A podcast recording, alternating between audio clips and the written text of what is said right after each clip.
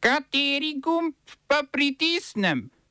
Tisti, na katerem piše OF. Velika porota v New Yorku je potrdila obtožnico proti Donaldu Trumpu. Uganda na vzhod Demokratične republike Kongo pošilja tisoč vojakov. Združeno kraljestvo se pridružuje transpacifičnemu trgovinskemu paktu. Vlada potrdila slabih 100 milijonov vredno investicijo za izboljšanje oskrbe z vodo v slovenski Istri.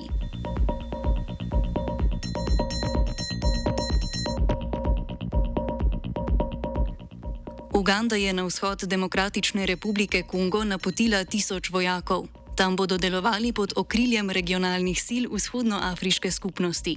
Pod okriljem te organizacije, ki jo sestavlja sedem vzhodnoafriških držav, delujejo tudi vojaki iz Burundija in Kenije.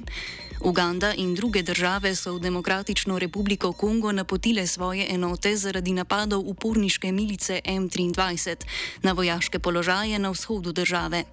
Uporniške sile M23 so nastale leta 2012, ko so z oboroženim bojem prevzele nadzor nad mestom Goma.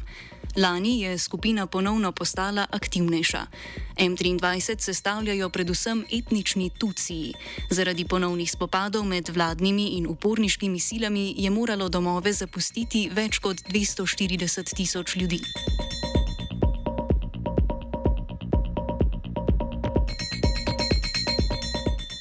Turški parlament je ratificiral vstop Finske v zvezo NATO. Finska je za članstvo v NATO zaprosila po ruski invaziji na Ukrajino, ki jo je Putin začel februarja lani. Turški parlament je bil zadnji, ki je moral vstop Finske ratificirati, potem ko je to v ponedeljek storil mačarski parlament. Finska se bo NATO uradno pridružila v naslednjih dneh. Finska je za članstvo v zavezništvu zaprosila skupaj s Švedsko, ki pa še čaka na ratifikacijo mačarskega in turškega parlamenta. Turčija vstop Švedske v zvezo NATO med drugim pogojuje s prejetjem strožje zakonodaje, ki bi omejila oziroma prepovedala delovanje delovske stranke Kurdistana, krajše PKK, in gibanje turškega klerika Fetulaja Gulena, ki ga je turški predsednik Recep Tayyip Erdoğan obtožil poskusa državnega udara leta 2016. Švedska je novembra lani podlegla pritiskom Turčije in spremenila ustavni amantma, ki bo omogočil ostrejši pregon terorizma in omejil svobodo tiska.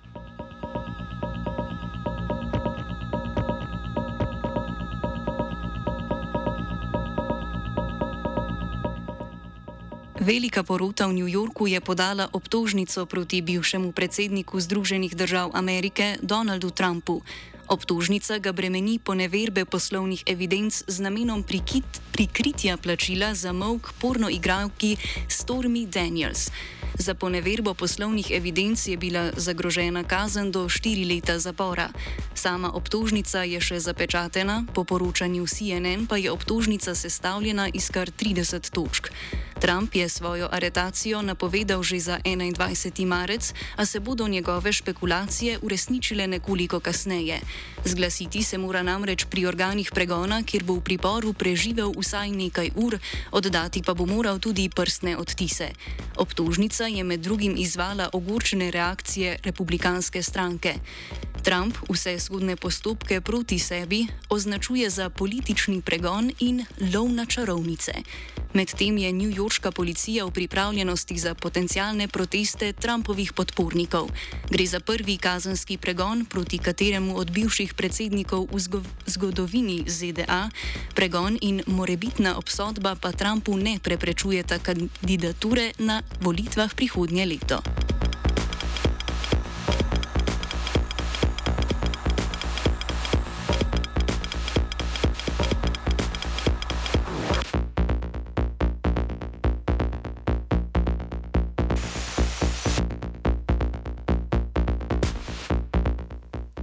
Britanski premijer Rishi Sunak je sporočil, da se Združeno kraljestvo pridružuje transpacifičnemu trgovinskemu paktu. V partnerstvu je 11 držav, Združeno kraljestvo pa bo prva evropska članica. Britanski izvoz v te države bo lahko oproščen carin, lažje pa bodo tudi medsebojne investicije. Predvidene gospodarske koristi so majhne, britanski BDP naj bi se po pridružitvi na dolgi rok povečal le za nič celih nič 8 odstotka. Tudi Združeno kraljestvo bo imelo od tega večje strateške koristi. Država je pridobila nove gospodarske povezave po izstopitvi iz Evropske unije, kot članica Transpacifiškega trgovinskega pakta pa bo imela besedo pri sprejemanju novih članov.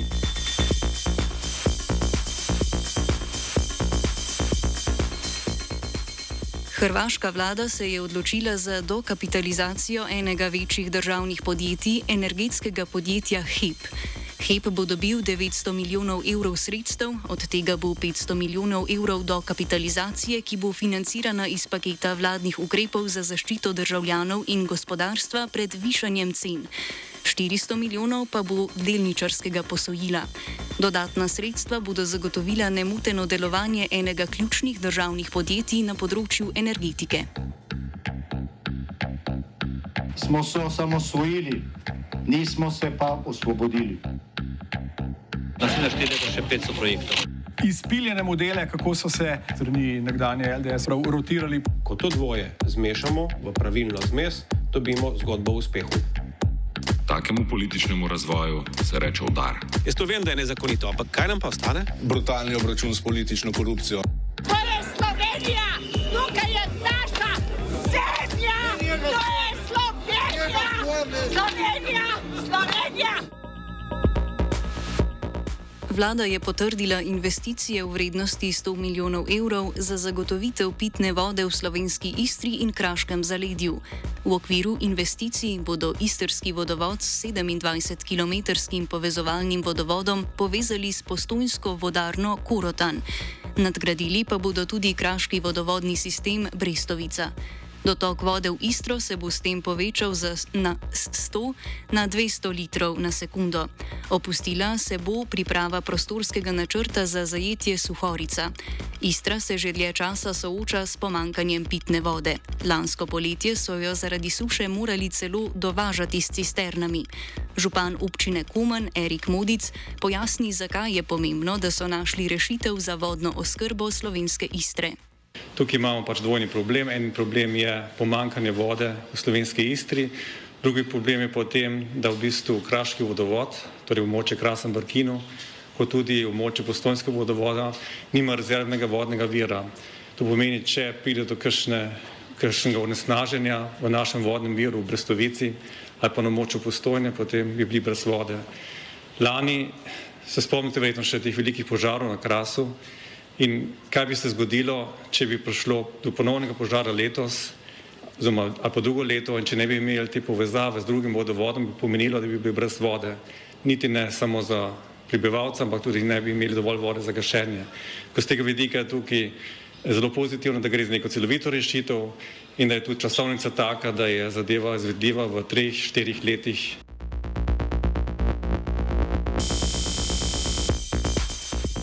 Sindikalne centrale so pozvale vlado k umiku novele zakona o zavodih iz zakonodajnega postopka. Centrale kritizirajo novelo, saj po njihovem mnenju slabi moč svetov zavodov, kjer državi in občinam v primerih, ko so te ustanoviteljice zavodov, podeljuje moč, da same razrešujejo direktorje in imenujejo vršilce dožnosti. Poleg tega novela uvaja nove razloge za razrešitev direktorja. Vladi očitajo tudi, da je novelo sprejela brez javne razprave in socialnega dialoga.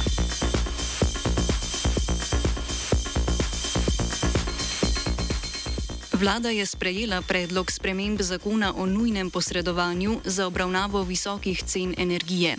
Po novem predlogu zakon omejuje pobiranje presežnih tržnih prihodkov samo na proizvajalce s sedanjih 180 evrov na kWh na 160 evrov na kWh. Kot zavezance za plačilo presežnih tržnih vrednosti zakon določa proizvajalce, pri katerih je vsota moči proizvodnih naprav višja od 100 kW. Veljavnost uredbe je omejena na obdobje med 1. decembrom lani in 30. julijem letos.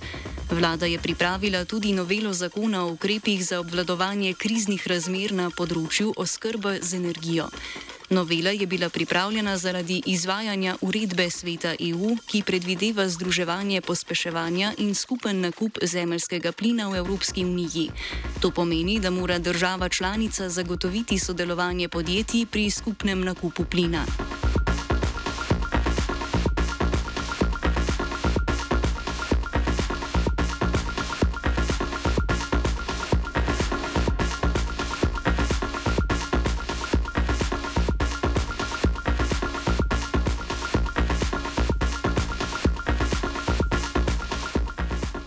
OF je pripravil vajenec Matej, mentoriral je Peru.